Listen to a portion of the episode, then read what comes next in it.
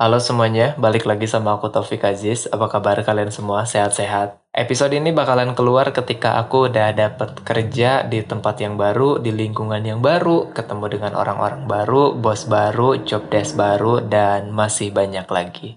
Kalian gak salah dengar, aku udah cabut dari tempat kerja yang dulu, aku udah keluar dari sana, aku udah coba ngelupain hal-hal buruk yang aku terima dan aku rasain di tempat yang dulu. Mungkin aku pengen kasih pejangan dulu ya sama diri aku di beberapa bulan atau beberapa tahun yang akan datang ketika dia udah dapat kerja. Aku cuma pengen bilang sama diri aku sendiri, kamu jaga diri baik-baik, jangan lupa makan, karena makan itu penting. Kamu uh, jangan terlalu banyak ngeluarin skills yang kamu punya, kamu jangan terlalu show off kebiasaan kamu kayak gimana, karena itu bakal jadi bumerang buat kamu. Kamu bakalan dimanfaatin sama banyak orang, kamu bakal ketemu orang-orang random yang kamu gak tahu dia tuh kawan atau lawan. Dan mungkin satu lagi ya kalau misalkan kamu punya temen di tempat kerja yang baru ya kamu boleh temenan kamu makhluk sosial jadi kamu harus punya teman kamu harus berkomunikasi. Oh iya kamu juga harus ngejaga komunikasi kamu sama orang lain entah itu sama bawahan kamu kalau kamu punya bawahan atau sama atasan kamu kalau kamu punya atasan. Dan sama uh, teman-teman yang lain di tempat kerja baru nanti. Karena komunikasi penting sih menurutku ini tuh untuk ngejaga biar kamu gak miskom, biar kamu gak ada problem nantinya. Karena hal yang gak dikomunikasikan itu tuh bakalan jadi fatal nantinya kalau misalkan ada missing. Jadi tolong komunikasikan hal sekecil apa pun. Kayak misal kamu nerima brief, mungkin nanti kamu bakalan jadi desainer. Mungkin ya, cuman aku gak tahu. Tapi hal yang aku lakuin sekarang adalah aku nyari uh, perusahaan yang ngebuka lowongan buat posisi desainer. Iya kayaknya desainer deh. Aku gak pengen jadi konten kreator lagi, capek jujur banget. Tapi kemungkinan kamu bakalan jadi desainer, jadi ya komunikasi itu penting banget. Karena kamu harus mengkomunikasikan brief dalam bentuk visual untuk dikonsumsi untuk banyak orang. Jadi tolong jaga baik-baik komunikasinya. Dan hal lain yang pengen aku sampaikan buat diri aku sendiri di beberapa bulan atau beberapa tahun ke depan adalah apa ya? Kamu tuh harus punya temen dan pasti ada lawan di tempat yang baru nanti. Ini kita ngomongin prediksi aja lah. Aku ngomong sama diri aku sendiri di masa depan nanti. Kamu pasti bakalan punya temen, kamu bakalan punya lawan juga. Ada kawan, ada lawan. Jadi usahakan kalau misalkan kamu deket sama teman kamu, kamu harus lebih deket lagi sama lawan kamu atau sama uh, rival kamu. Itu penting karena biar kamu gak ditusuk dari belakang sih. Karena banyak banget lah musuh-musuh dalam selimut itu istilah-istilah kayak gitu. Kalau misalkan kamu dekat sama teman, kamu juga harus dekat. Bukan dekat lagi malah, kamu harus lebih dekat sama lawan kamu. Kamu harus ajak ngobrol dia, kamu harus kalau dibilang cari muka ya cari muka juga gak apa-apa lah sama lawan kamu biar ya seenggaknya posisi kamu tuh masih aman gitu di tempat kerja yang baru. Uh, itu aja mungkin wajangan buat diri aku. Aku pengen ngejelasin tentang alasan kenapa aku cabut dari tempat kerja yang dulu. Mungkin beberapa dari kalian sering banget atau pernah dengar istilah ayo keluar dari zona nyaman, keluar dari tempat itu, jangan terlalu lama diam di satu tempat sehingga kamu gak bisa berkembang dan lain sebagainya. Mungkin aku adalah salah satu orang yang gak sependapat ya dengan argumen itu. Karena menurutku, selama aku masih nyari sampai sekarang, itu artinya aku belum nyaman. Sekalipun tempat kerja yang dulu atau posisi aku yang dulu di tempat kerja, itu tuh posisi yang mungkin diharapin sama banyak orang, kemudian kerjaannya juga mungkin banyak diharapin sama orang atau bahkan salary yang aku dapetin di tempat kerja yang dulu tuh itu tuh adalah impian banyak orang. Tapi ya mau bagaimana lagi kalau misalkan akunya udah gak nyaman ya udah aku cabut aja. Aku udah gak bisa diem terlalu lama di sana aku harus keluar dari sana. Ini bakalan balik lagi cukup jauh ke uh, alasan kenapa aku kerja corporate. Ini kayaknya aku pernah cerita deh, tapi ya gak apa-apa lah kita uh, remind lagi. Jadi aku tuh kan uh, ngebangun Visible Me ini tuh kalau misalkan dibilang nggak sengaja, enggak juga. Tapi dibilang sengaja juga, enggak juga gitu. Jadi ini tuh ketidaksengajaan yang sengaja gimana ya jelasinnya? Ya tapi gitulah.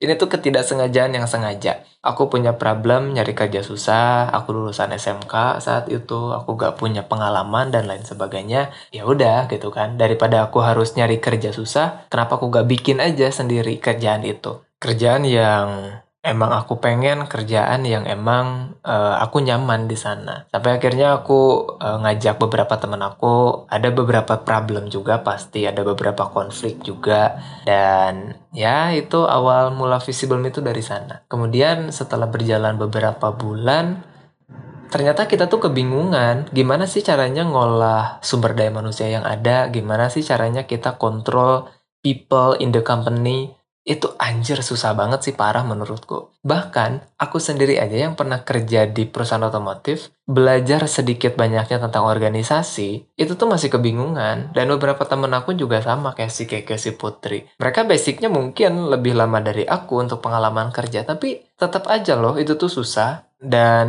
dari titik itu mungkin aku coba untuk kayaknya aku harus kerja sama orang lain, aku harus cobain kerja di corporate yang secara organisasi dia udah bagus, secara sistem dia udah oke, okay. aku coba intip, aku coba contek di sana, kemudian aku terapin di Visible Me kayak gitu. Harapannya ke sana dan di tempat kerja yang dulu aku udah cukup lama dari awal 2020 sebelum pandemi sampai kemarin bulan Oktober. Itu tuh banyak banget pengalaman yang aku dapat di awal tapi satu tahun terakhir hal itu tuh kayak yang udah biasa aja gitu. Aku gak nemuin konflik baru, aku gak nemuin hal-hal baru. Bahkan visi aku pertama di sana tuh kayak yang hampir hilang. Aku di sana buat nyari tahu, aku di sana buat bahasa kasarnya aku di sana buat mencuri gitu atau meniru atau aku mengadap bagaimana uh, budaya kerja di sana dan lain sebagainya. Tapi itu tuh udah gak aku dapat lagi, makanya aku cabut dari sana. Terlebih prinsip kerja aku kan kalau misalkan dalam satu tahun aku gak ada perubahan, entah itu dalam segi uh, kerjaannya, positionnya atau salary-nya, ya aku bakalan cabut senyaman apa pun aku kerja di sana kayak gitu. Jadi kriteria-kriteria itu atau KPI itu udah terpenuhi. Jadi apa alasannya aku tinggal lama di sana? Ya udah aku cabut aja. Dan cabut dari sana kirain aku itu bakalan jadi mimpi yang bagus, ternyata itu bakalan jadi mimpi buruk. Setelah aku cabut dari sana, pikiranku dalam otakku aku bakalan ngelanjutin visible me, aku bakalan lebih fokus di sana. Tapi ternyata enggak. Salah satu unit bisnis Visible Me ada problem yang emang dia tuh penyumbang revenue paling gede lah di Visible Me. Kayak hampir 90% revenue tuh dari sana. Dan itu pupus, itu hilang, itu collapse. Ya aku sendiri pun gak bisa menghidupi diri aku dari sana gitu. Apalagi untuk menghidupi si Visible Me yang punya uh, tim yang gak terlalu gede lah. Kecil tapi ya pokoknya pincang banget lah hampir mati di sana tuh. Sampai akhirnya aku mutusin buat nyari kerja lagi. Dan sekarang aku lagi nyari kerja. Dan episode ini di take pas aku lagi nganggur. Sebelum aku dapat kerjaan baru. Kalau misalkan aku udah dapat kerjaan baru, mungkin nanti aku bakalan cerita. Aku kerja di mana, aku ngapain aja, dan lain sebagainya. Kalau misalkan aku boleh meramal, baik kita ramal dulu. Aku ngetek ini tuh bulan November awal. Ya beberapa hari sebelum aku ulang tahun lah. Kemungkinan besar aku bakalan kerja jadi desainer. Tapi aku gak tahu desainernya desainer apa, dan aku gak tahu corporate-nya kayak gimana. Yang aku lakuin sekarang adalah aku ngelamar untuk posisi desainer, karena aku gak pengen ngelamar untuk posisi konten kreator lagi. Anjir, capek banget sumpah demi apa pun. Tiap hari tuh kayak yang mikir gitu kayak yang bingung mau bikin apa. Terlebih sosial media geraknya cepet banget. Aku gak sempet kalau misalkan aku harus ngeriset dulu kemudian aku harus uh, ngeproduksinya kemudian aku harus ngedit dan lain-lain sampai ngepost. Wah itu capek banget sih sumpah demi apa pun. Terlebih kalau misalkan timnya masih kecil ya karena mungkin kalau misalkan konten kreator di tempat lain mungkin ya itu lebih enak karena udah ada yang nyiapin, kita tinggal produksi doang dan lain sebagainya atau ada talent dan lain sebagainya. Tapi di tempat kerjaku yang dulu, wah itu parah sih. Itu aku sendirian ngerjain, mulai aku dari nulis skrip sampai aku produksi, sampai aku ngedit dan lain-lain, itu sama aku sendiri. Makanya aku bisa bilang itu capek banget. Dari segi kerjaan mungkin dikit, karena seminggu aku dituntut buat bikin konten kayak cuma tujuh doang gitu, sehari satu. Itu pun buat beda-beda platform edan sih menurutku kerjaannya. Itu aku ngurusin dari pre-production, production, sampai post-production itu aku ngurusin sendiri, gak dibantuin. Makanya kayaknya gak sempet gitu ngerjain itu semua. Terlebih aku harus mikirin juga yang lagi rame apa, ngeriset, dan lain sebagainya. Semoga aja di tempat yang baru, dengan posisi yang baru, kerjanya gak akan terlalu rame, gak akan terlalu kayak di hutan kalau misalkan aku harus ngurus sosmed doang. Ya mungkin nanti ada orang digital marketingnya yang ngasih brief, kemudian ada orang marketingnya juga yang ngasih promo-promo dan lain sebagainya. Aku tinggal eksekusi doang.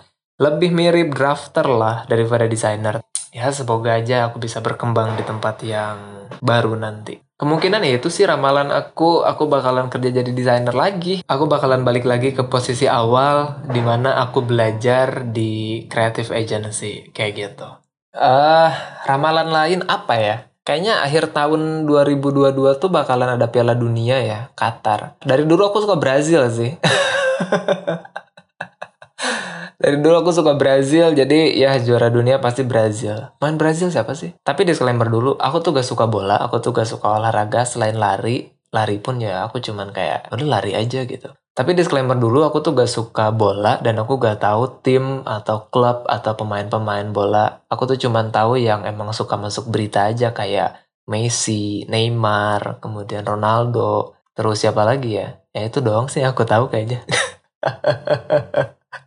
pengetahuanku seputar sepak bola kayaknya minim banget. Kalau misalkan ngomongin Piala Dunia, aku suka Brazil. Ya, kayaknya Brazil menang deh. Aku suka kostumnya sih warna kuning sama hijau. Jadi, prediksiku untuk Piala Dunia yang bakal jadi juara itu uh, Brazil.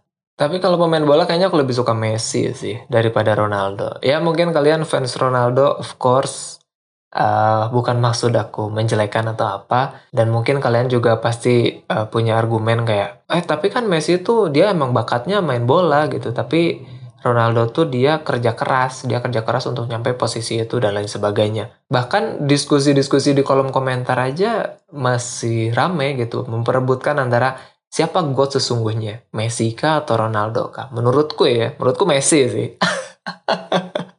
Jujur aku suka banget Messi, terlebih dari ceritanya yang emang dia dari uh, dari kecilnya tuh emang punya kelainan gitu, kemudian ada penyakit bawaan sampai akhirnya dia dia ikut seleksi Barcelona, dia diangkat jadi pemain bla bla bla dan lain sebagainya sampai akhirnya dia keluar atau mungkin gak diperpanjang kontraknya kemudian dia main di PSG. Eh itu doang sih pengetahuan aku tentang bola. Kalau misalkan kalian lebih tahu ya of course mungkin kalian maniak bola aku gak terlalu suka sih. Tapi itu sih kalau misalkan buat Piala Dunia kayaknya Brazil sih. Iya kayaknya Brazil. Ya kalau gak Brazil Argentina lah. Argentina dia punya Messi. Kalau Brazil dia punya Neymar. Ya kita lihat aja nanti siapa yang bakalan menang. Ya mungkin itu aja sih sedikit update dari aku yang udah lama gak bikin podcast. Sorry banget kalau misalkan kalian nungguin, tapi aku yakin sih nggak akan ada yang nungguin. Ya kita lihat aja nanti hari apa atau bulan apa episode ini bakalan tayang. Karena episode ini bakalan tayang uh, setelah aku dapat kerja. Kayak apa yang aku bilang tadi di awal. Ya mungkin itu aja yang bisa aku sampaikan. Kita ketemu lagi di episode berikutnya. Semoga.